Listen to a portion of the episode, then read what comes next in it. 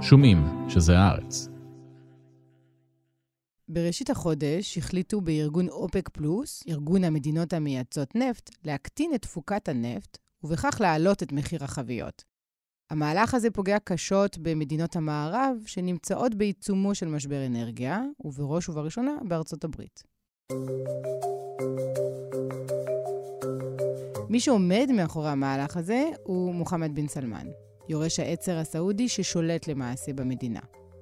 הצעד של בן סלמן, שהביאו אותו לעימות חזיתי עם וושינגטון, הוא בעצם יציאה לעצמאות של סעודיה, שרוצה לעמוד על הבמה העולמית כמעצמה שלא מקבלת תכתיבים מאף אחד. הגבלת תפוקת הנפט היא צד נוסף בשרשרת תהליכי עומק שעוברת המדינה המדברית בהובלתו של המנהיג, שאיש לא ציפה שיגיע כל כך רחוק. בן סלמן הוא בנה של אשתו השלישית של המלך סלמן, וככזה הוא לא היה אמור להגיע לדרגה כה גבוהה. אבל התנהלות נכונה בתוך הפוליטיקה הסעודית והמשפחתית הפכו אותו לאחד המנהיגים השאפתנים והמרתקים בעולם. אחואני אסחאב אל-ג'לאלה והסמו, א-סלאם עליכום ורחמת אללה וברכתו. يسرني باسم سيدي خادم الحرمين الشريفين الملك سلمان بن عبد العزيز حفظه الله היי, אני עמנואל אלבאס פלפס, ואתם מאזינים ומאזינות לחוץ לארץ.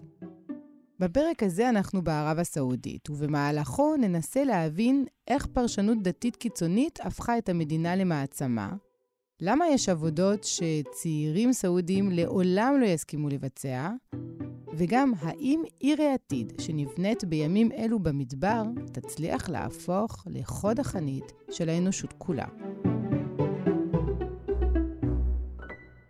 שלום לדוקטור שאול ינאי, החוג למזרח התיכון והאסלאם של האוניברסיטה העברית, ומחברו של הספר המחקר The Political Transformation of Gulf Tribal States.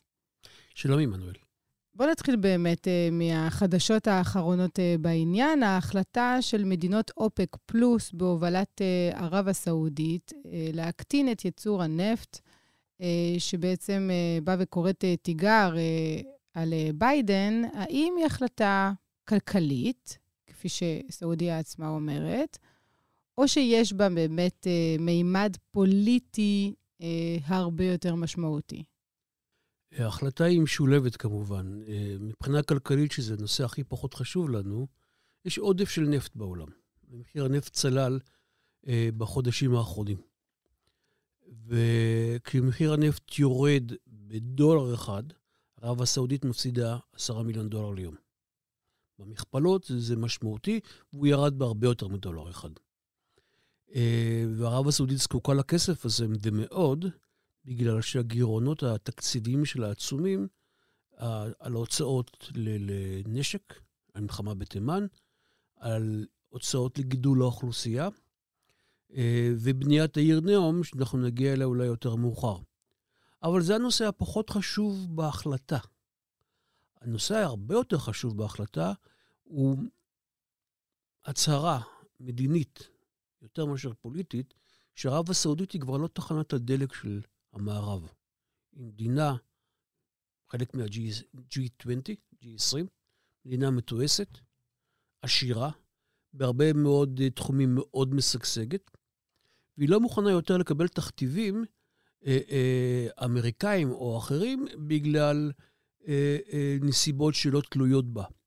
זה החלק הראשון של ההצהרה הפוליטית. החלק השני, שמי שמצהיר את ההצהרה, מוחמד בן סלמן, הוא מצהיר אותה בשם דור חדש בערב הסעודית. יש כרגע חילופי דורות בהנהגה, חילופי דורות במדינה. 70 אחוז מהאוכלוסייה מתחת לגיל 35. רבים מאוד מהם למדו במערב, מכירים את המערב, במיוחד בארצות הברית, ונמאס להם לקבל תכתיבים כאילו הם היו מדינת שוליים או מדינת עולם שלישית מארצות הברית, בגלל הקונפליקט שלה עם רוסיה. חלק מהפרשנויות שאני קראתי לעניין הזה, זה שדווקא המשחק הכפול הזה של אה, ערב הסעודית היה בעצם לומר, מצד אחד אנחנו יודעים שההחלטה הזאת מאפשרת לרוסיה להמשיך במלחמה, כי זה מספק לה את הכסף שהיא צריכה לשם כך, ומצד שני, אנחנו, הנה, מצביעים ומגנים את רוסיה, ובעיקר, בעיקר את כל זה, ערב הסעודית, לפי אותן פרשנויות, אומרת לארצות הברית, אנחנו עצמאים. אנחנו בעולם פרגמטי שמאפשר לנו לעשות את ההחלטות שלנו בהתאם למה שמתאים לנו, ואנחנו לא הולכים באופן עיוור אחרי קו אחד, שהוא להיצמד לארצות הברית. נכון לחלוטין, אני מסכים איתך לגמרי, והייתי מוסיף עוד משהו. ערב הסעודית היא מעצמה. היא מעצמה אזורית במזרח התיכון, היא מתחרה עם איראן על ההגמוניה במזרח התיכון, אבל גם מעבר לכך, היא מעצמה אה, על-אסלאמית.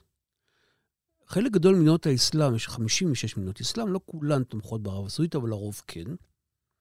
שהשטח שלהם נע ממרוקו במערב עד לאינדונזיה במזרח, שטח עצום לכל הדעות, עם כמיליארד וחצי מוסלמים. ערב הסעודית שואפת מהקמתה, אבל ביתר שאת מאז 73, אה, להיות המעצמה ההגמוניאלית גם בעולם האסלאם.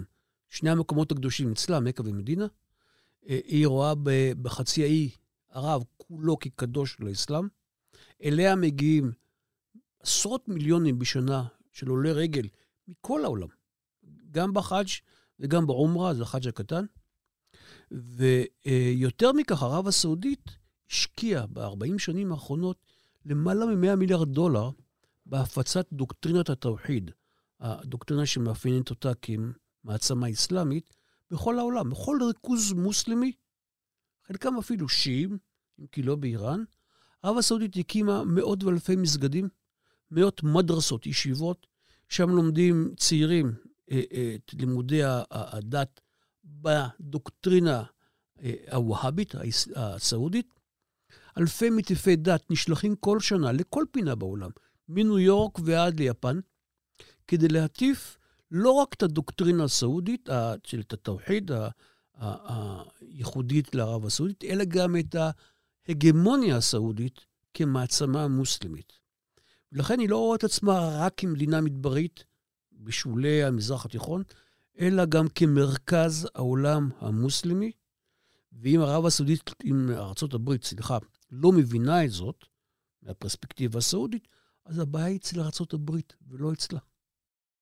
إن الله لا يستحيي أن يضرب مثلا ما بعوضة ציינת את הווהביזם הסעודי, אתה תוכל אה, קצת אה, לפרט לנו במה מדובר? קודם כל, הסעודים לא קוראים לעצמם והאבים, כי והאבים זה על שם מוחמד עבד אל-והאב מהמאה ה-18, שעיצב את הדוקטרינה הזו. הם קוראים לעצמם מואחידון. הם מאמינים באחדות האל. זה מטיף דת שמגיע לחצי לינאג', לאזור בערב הסעודית, וחובר ב-1727 עם המשפחה הסעודית, ומציע לה ברית מאוד מעניינת. אני אכיר בכם כשליטים של העולם המוסלמי, אז הם היו סך הכל נאות מדבר מצומצמת, קטנה, עם כמה מאות תושבים, ואתם תפיצו את האמונה שלי, וניצור ברית שהם קראו לה אומרה, נסיכים, שליטים, ועולמה אנשי דת.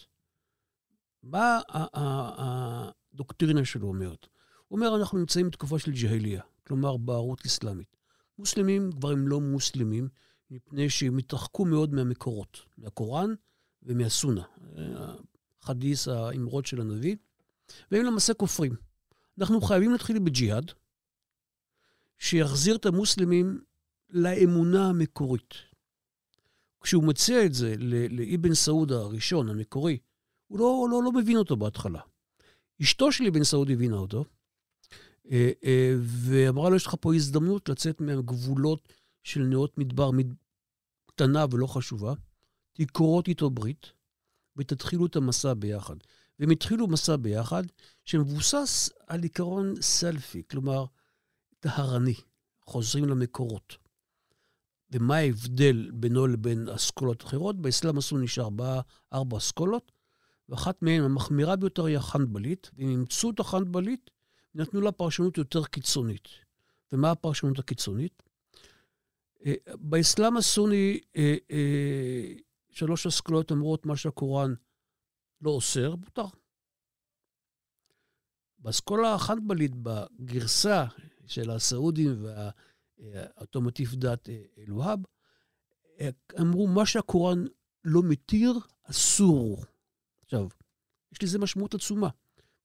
דוגמה פשוטה מ-1925. 1925 הסעודים כובשים את מכה. ויש שיירה, מחמל, ככה בערבית, שמגיעה ממצרים למכה, או לרגל. המצרים מגיעים, לפני שנכנסים למכה, הם מתארים, לובשים את הלבן המסורתי, ונכנסים לעירו של הנביא בשירה, תופים ומחולות. שאומרים הסעודים, הדוקטרינה הווהבית, מיד שלפים את החרבות ורוצחים את כולם. מוזיקה לא מוזכרת בקוראן. זה אסור מוזיקה. מאז 1925, מה שעשו הסעודים, הם השמידו מאות אתרים בתוך מכה ומדינה, גברים. גברים של uh, הסחאבה, חברים של הנביא, אתרים קדושים לאסלאם, במשך יותר מאלף שנה. הם רצו גם להשמיד את הקבר של הנביא, מוחמד. כי בדוקטרינה הזאת אסור אה, אה, לעלות לרגל לקבר. קבר הוא מקום שמתווך בין האדם לאל. ואילו הדוקטרינת המואחידות, האחדות האל, אין תיווך. אף אחד לא מתווך. יש רק יחסים ישירים בין האדם לאל, וככה הם התנהגו. נכון שקצת הם התמתנו, אבל הנה עוד אירוע שממחיש מה שאסור מותר ומה שמותר אסור. ב-1987 עולי רגל איראנים מגיעים למכה. באמצע ההקפות של הקאבה, הם פתאום מרימים את התמונה של חומיני. עכשיו, השומרים הסעודים לא קיבלו הוראה לירות בהם, אבל הם פתחו את הנצרה והתחילו לראות צורות לתוך עולי הרגל האיראנים, כי הם טימאו את המקום הקדוש בתמונה. איסור פסל ומסכה ותמונה הוא גם בקוראן, לא רק ביהדות.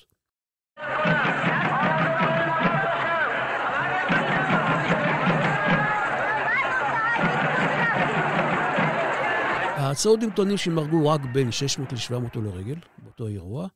האיראני, והדיווח שלהם הוא הרבה יותר אמין, כי הוא גם, הם פרסמו שמות, דיברו על כ-3,000 איש.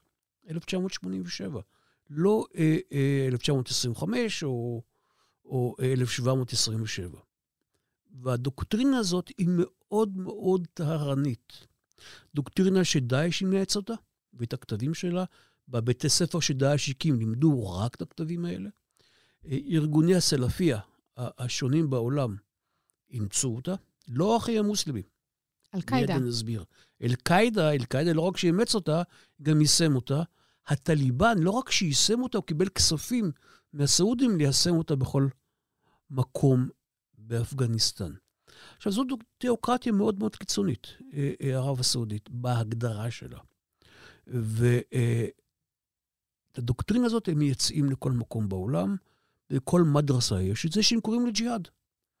במסמכי ויקיליקס יש לנו התבטאות של ירלי קלינטון, שהייתה שרת החוץ. ואת אתם לא מאמינים מה מצאנו במדרסות הסעודיות בניו יורק.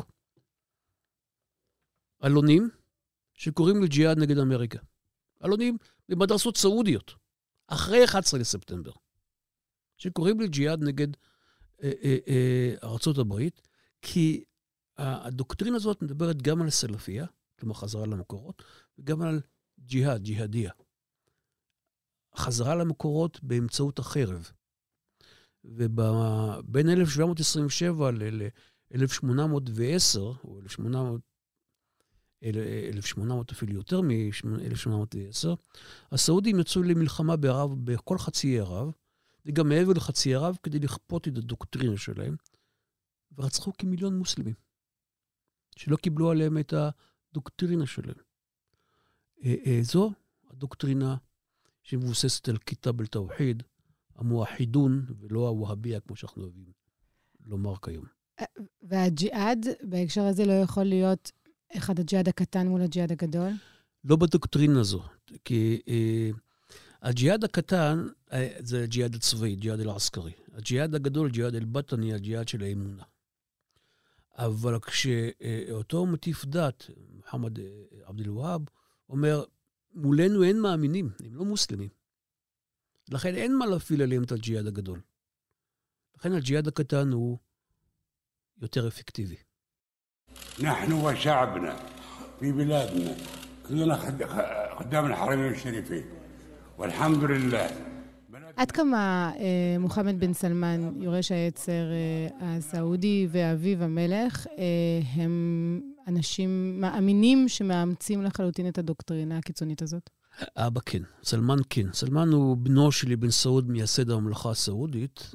שתי מילים, בממלכה הסעודית הראשונה והשנייה אה, הושמדו על ידי העות'מאנים ובעלי בריתם. ושרידי המשפחה ברחו לכווית. ב-1901, בחור צעיר גבוה מאוד, אחד האנשים הכי גבוהים שהיו אה, אה, בחצי ערב, כמעט כשני מטר גובה, בורח מכווית ויוצא במסע לריאד, לבירה הישנה של הסעודים, אוסף כמה בני משפחה שלו, משתלט על הארמון של המושל המקומי מטעם הרשידים והעות'מאנים, שהדיחו אותה אז את הסעודים, רוצח אותם, ומכריז על תחילת ההקמה של הממלכה הסעודית השלישית. מתחיל במסע של 30 שנה של מלחמה, ובסופו של דבר מוכרזת הממלכה הסעודית. כלומר, המסע התחיל ב-1901. 2022 היום, הבן שלו עדיין שולט בערב הסעודית. יש פה פרספקטיבה. אבן סעוד היה מאוד מאמין, אבל גם פרגמטי.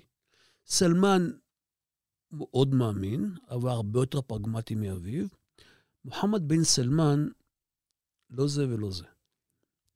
אה, אה, בריאיון שהיה איתו לפני שנתיים לאטלנטיק, הוא אמר, כן, אני יודע שאני עושה דברים שהם בניגוד למואחידון, לכיתב אל-תוחיד, למשל תיירות. אה, אני מפתח את התיירות, ותיירים, כשמגיעים תיירים, יש להם תרבות מערבית, או תרבות של הנאה ובילויים ומוזיקה ואלכוהול, ולפעמים גם יותר מכך. אבל מה, מה הברירה שיש לי? אני אשלח את הסעודים לנפוש בחו"ל, הם ייחשפו פי כמה לתרבות יותר גרועה, אנחנו נאבד הרבה מאוד כסף.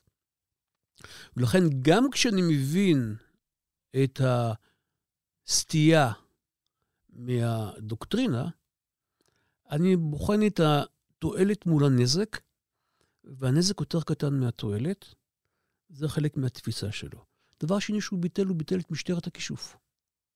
אה, אה, אני לא יודע אם אתם יודעים, אבל הייתה משטרה כזאת בערב הסעודית, כחלק מהקוראן. משטרת הכישוף? כישוף, כישוף. לא הארי פוטר, כישוף אמיתי. והמשטרה הזאת יכלה לעצור כל אדם שהוא בעוון של כישוף, ולשפוט אותו בבתי משפט שלה ולהוציא אותו להורג, לפעמים גם בתוך 24 שעות. בלי שאף אחד יכול לערער על פסק הדין, אם היו מחלקה בתוך משטרת המוסר הסעודית, שהיה להם, אה, אה, הם ישבו בכל תחנת משטרה בערב הסעודית. אלה שבודקים שהסוחרים סוגרים את החנויות ומתפללים ב, ב, אה, כשמגיעה שעת התפילה, הם בודקים שיכולים להיכנס לכל בית לבדוק שאין אלכוהול, להקפיד על החיג'אב. יש לנו את נושא החיג'אב באיראן היום, שמשטרת המוסר האיראנית הרגה את ה... רצחה את הצעירה הכורדית האומללה, ותראו איזה מהומות פרצו. בערב הסעודית לא היו מהומות על כך. כי בקוראן מפרשים אותו כמו שהוא, לא מפרשים אותו, מקבלים אותו כמו שהוא. ובקוראן מופיעים ג'ינים ומופיעים שטן, ויש אלוהים. ואם יש עובדי אלוהים שזה הם, יש גם עובדי שטן. את עובדי שטן צריך למצוא ולבאר מתוכנו. אה, ומוחמד בן סלמן ביטל את זה, אמר די, מספיק. יש גבול להקפדה על דברים שהם אולי מטאפוריים.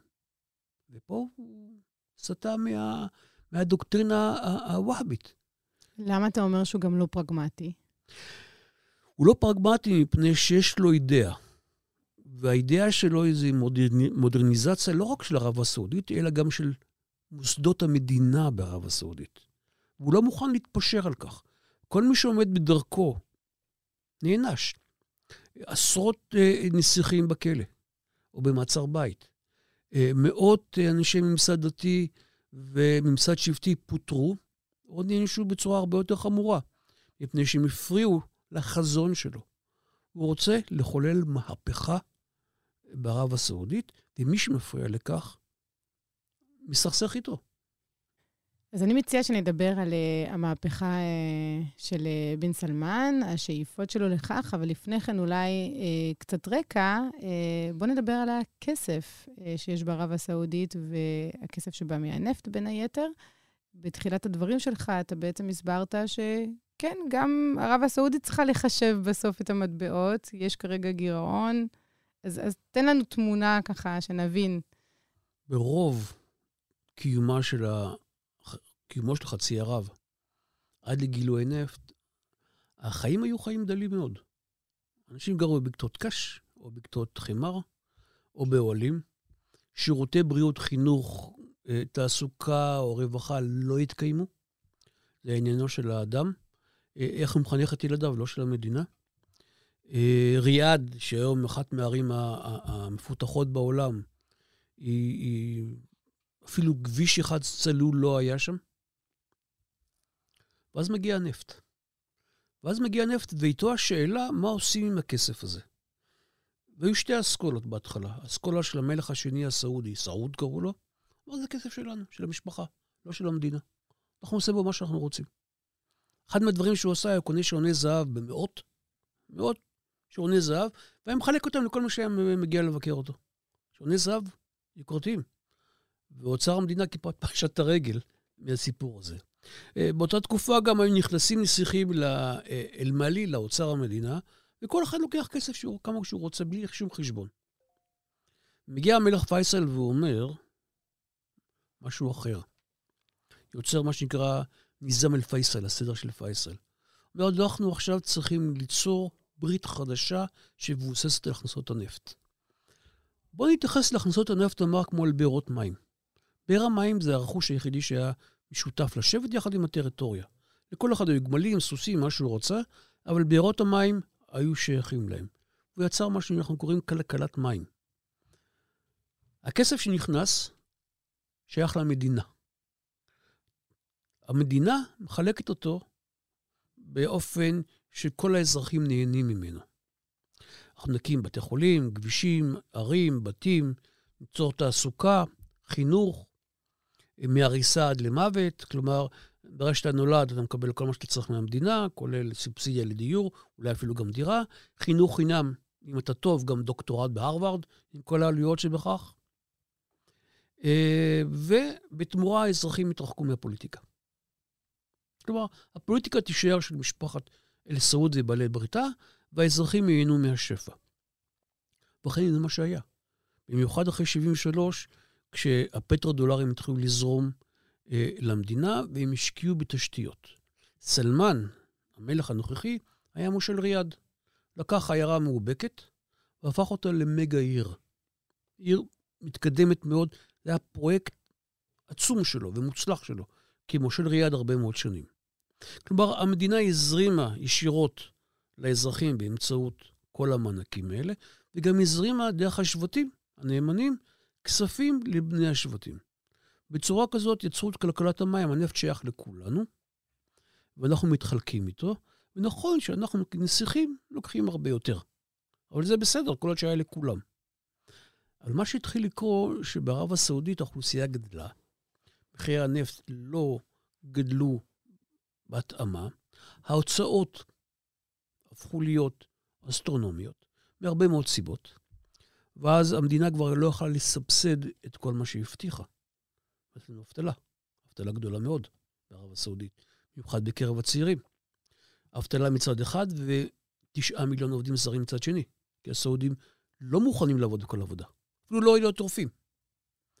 אה, והתחיל להיות גירעון. אבל הם יכולים להרשות לעצמם לא לעבוד? הם עובדים, או הם עובדים בשירות המדינה, או שהם עובדים בעסקים. שירות המדינה הפך להיות uh, מפלצת, והסעודים uh, מעדיפים לשבת אליהם במג'דסים של הגברים, לשתות, קפה, כן? לאכול ולדבר על, על עניינים חברתיים, לא על פוליטיקה. אפשר לדבר על פוליטיקה מקומית, משפחתית, אבל לא על פוליטיקה של המדינה, ולהעביר ככה את הזמן בנעימים. אבל אין סעודים, אזרחים סעודים עניים. יש. יש אזרחים סעודים עניים, במיוחד השיעים. יש 12% מהסעודים עם שיעים שגרים בפרובינציה המזרחית, והם עובדים, הם עובדים בתעשיית הנפט. אבל הם מקבלים הכי פחות מכולם, כי הם שיעים כופרים ונחשדים באהדה לאיראן. והם נרדפים. ונרדפים וגם מתקוממים. יש אינתיפאדה שיעית כבר הרבה מאוד שנים בפרובינציות האלה. יש גם סעודים עניים בהשוואה לאחרים. יש עושר מופלג, מודדים את העוני לא על פי הכנסה ממוצעת, אלא על פי העושר המופלג. אין סעודים רעבים, בוא נאמר. חינוך ובריאות לכולם יש.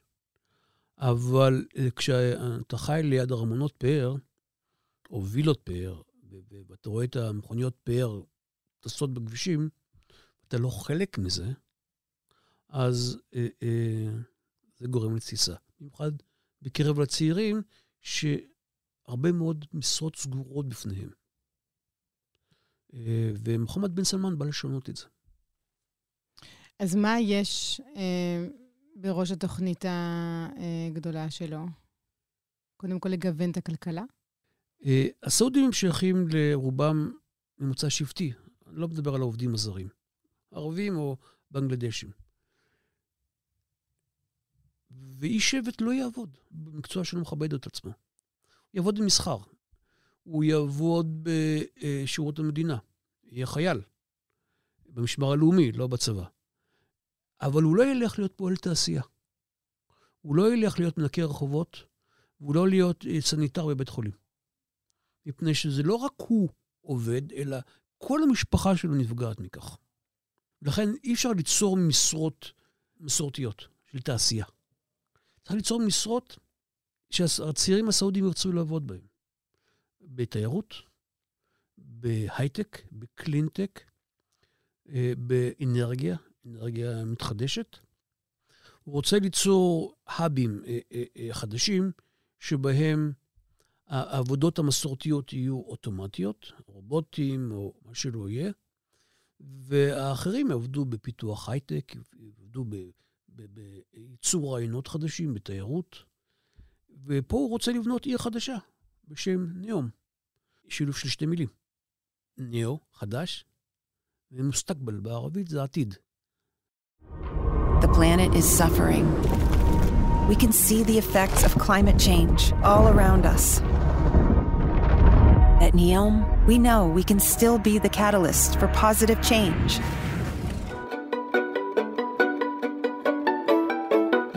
עיר העתיד של ערב הסעודית, היא פרויקט שאפתני ואחד מהמרכזיים שמקדם באופן אגרסיבי יורש העצר מוחמד בן סלמן. העיר מתוכננת לקום בצפון מערב המדינה, לחופי ים סוף, בהשקעה של 500 מיליארד דולר.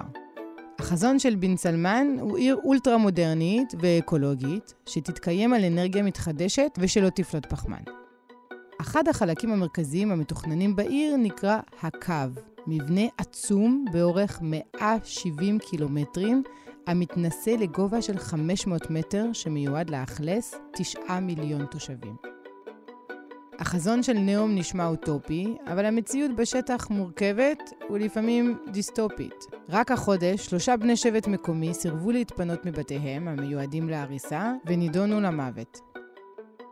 This is when Saudi officials reportedly handed over the body of Abdul Rahim al Huwaiti to his tribe. His family denies the official narrative that Abdul Rahim was a terrorist who was killed after opening fire at security forces. מעבר להתנגדות התושבים, הבעיות הכלכליות של סעודיה, כולל משבר הקורונה וירידת מחירי הנפט, מעכבים ומעמידים בספק את הקמת העיר. צוותים בינלאומיים של יועצים, קבלנים ומנהלים מרוויחים משכורות של עשרות אלפי דולרים בחודש על תוכניות שנמצאות בינתיים רק על הנייר. חלקים נרחבים מהפרויקט היו אמורים להסתיים כבר ב-2020, אך נמצאים באיחור רציני, כאשר לפי דיווח האקונומיסט מיולי השנה, רק שני מתחמים נבנו עד כה בנאום, אחד מהם הוא הארמון של בן סלמן. המטרה של העיר הזו היא ליצור מודל חי ונושם, לא רק של כלכלה עתידית, זה פחות, זה מעניין, אבל פחות. הוא רוצה להראות לסעודים שרגילים בערים הגדולות, בריאד ובג'דה ומכה ומדינה, לסגנון חיים מסוים. קשה מאוד לשנות אותם. הוא רוצה להראות להם שאפשר לחיות ברמת חיים שונה אפילו מהמערב, הרבה יותר גבוהה, עתידנית.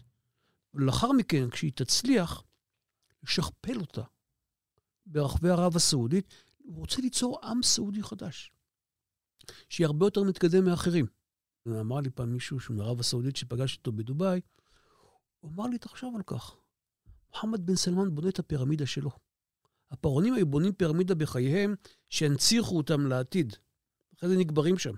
הוא בונה היום פירמידה בקנה מידה שלו, שהעולם לא ידע אותה קודם.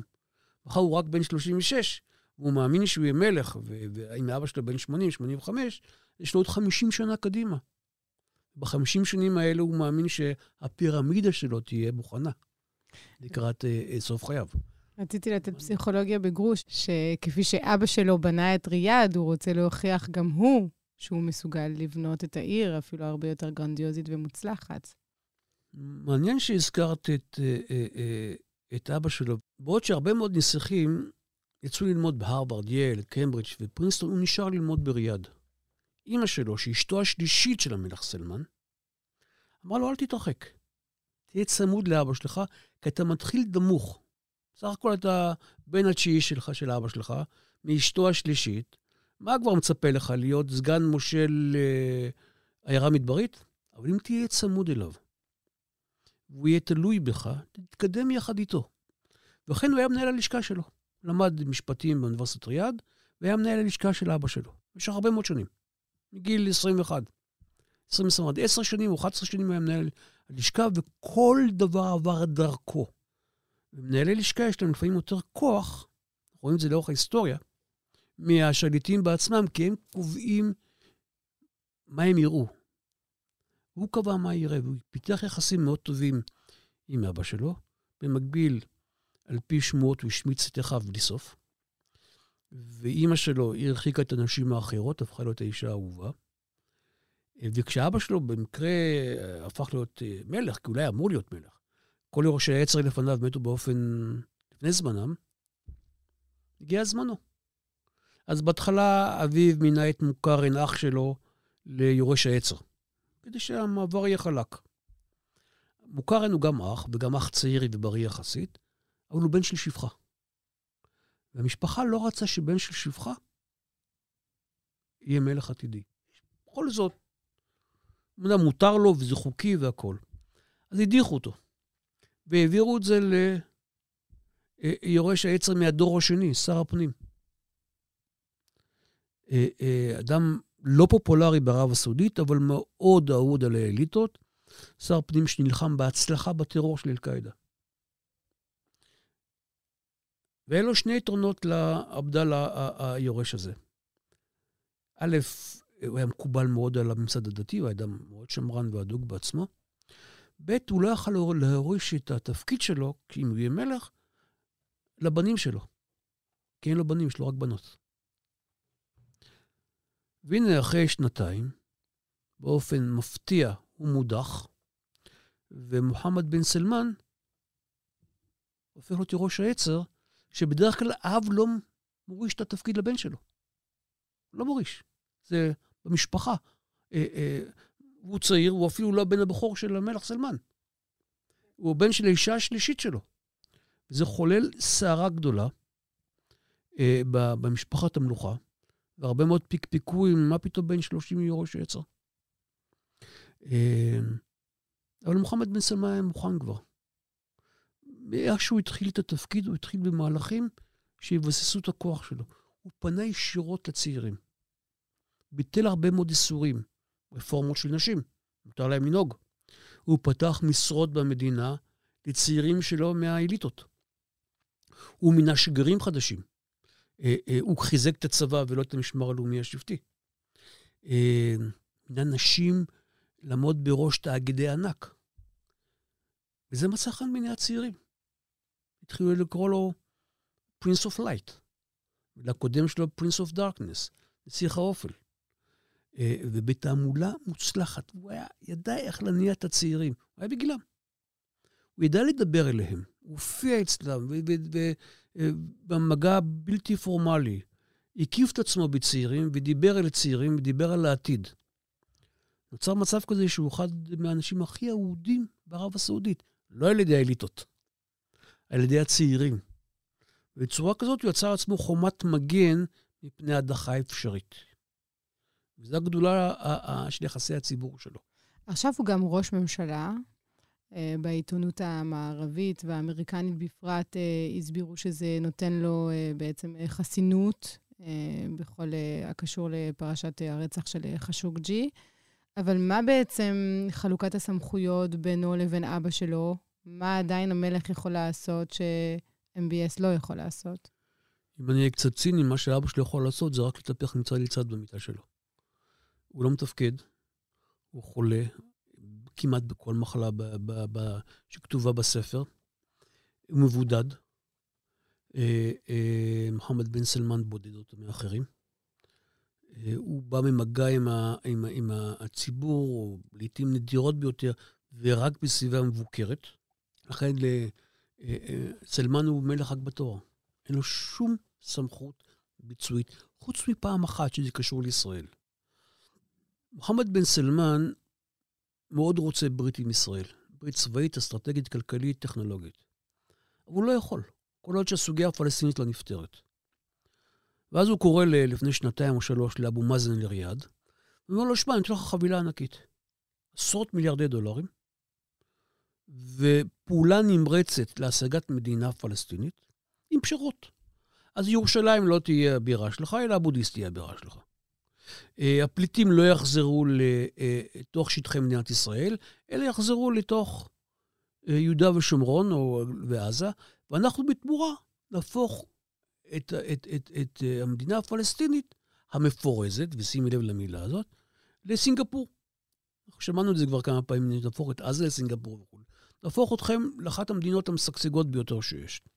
כל מה שאתה צריך זה לקבל את התוכנית שלי, שזו היוזמה הסעודית, הערבית, בניקוי הרבה מאוד חלקים, מה שאנחנו היום קוראים דיל המאה של טראמפ. דיל המאה של טראמפ זה התוכנית של בן סלמן.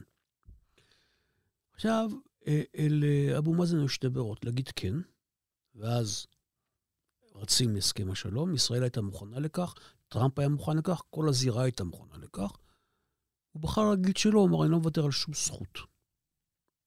וכשמוחמד בן סלמן איים גם עליו, שזה יהיה סופו, כמו שהוא איים על ראש הממשלה הלבנוני ועל על העיתונאי האומלל חשודג'גי, אבו מאזן, שפוליטיקאי ערמומי, הפעיל את האנשים שלו בחצר המלוכה, העירו את האבא, את סלמן, סלמן היה לו מאוד אוהד את הנושא הפלסטיני, והוא נתן הוראה ברורה, גלויה ופומבית לבן שלו, הסר את ידך עם העניין הפלסטיני, אנחנו עם הפלסטינים, לא עם הישראלים, ולמעשה כל דיל המאה נעצר בחריקת בלמים אדירה. אבו מאזן חזר, ומוחמד בן סלמן נותר אה, מתוסכל. אבל חוץ מזה, כמעט כל מה שהוא רוצה הוא עושה. אבל זה יכול להשתנות כשהמלך סלמן ימות. MBS יהיה באמת חופשי לפעול בעניין הזה כפי שהוא חושב לנכון? בסוגיה הישראלית-פלסטינית? כן. MBS אומר דבר כזה, ואמר את זה בהרבה מאוד אה, רעיונות גלויים ובהרבה מאוד שיחות אה, פחות גלויות. השקענו בסוגיה הפלסטינית עשרות שנים, משאבים אדירים של, של בני אדם, צבאות ו- וכסף, וכרגע הסוגיה הפלסטינית היא לא חשובה. מה שחשוב זה האויב האיראני שמאיים על כולנו, גם על הפלסטינים, באמצעות עזה, חמאס והג'יהאד האסלאמי. הגיע הזמן שהפלסטינים יס... יסירו מסדר היום את הבעיה שלהם ויתמקדו בתמונה הרחבה יותר. בתמונה הרחבה יותר אנחנו צריכים את ישראל. וישראל מוכיחה את עצמה כאחת שיודעת להילחם באיראן. יש לה את הטכנולוגיות להילחם באיראן, גם ההתקפיות וגם ההגנתיות. ואנחנו לא יכולים לוותר על בעל ברית כזה משמעותי עבורנו. אה, ולכן, להערכתי, להערכתי, עוד פעם, היסטוריון מסתכל על העבר ובקושי מבין את העתיד. גם את העבר לא כל כך. להערכתי, אחרי שאביו ימות ואחרי שהוא יוכתר, אם ואם, אביו ימות, אבל אם הוא יוכתר, תמיד יש ספק, והוא ימצא את הדרך, אם יהיה ממשל פלסטיני אוהד, ממשל ישראלי אוהד, או ממשלים יציבים לפחות, בשני הצדדים, אה, אה, הוא, מב"ס, יחד עם מב"ז של מוחמד בן זייד, נשיא איחוד האמירויות, הם השיקו את איזו יוזמת השלום שלהם, אבל אחר, רק אחרי שהם יהיו בטוחים שהפעם היא תתקבל על שני הצדדים. דוקטור שאול ינאי, תודה רבה לך. תודה לך, עמנואל.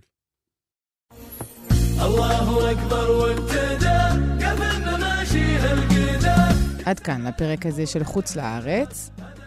אתם מוזמנים לעקוב אחרינו בכל אחת מהאפליקציות שבהן אתם מאזינים לפודקאסטים. כמובן, אנחנו נמצאים תמיד באתר ובאפליקציה של הארץ.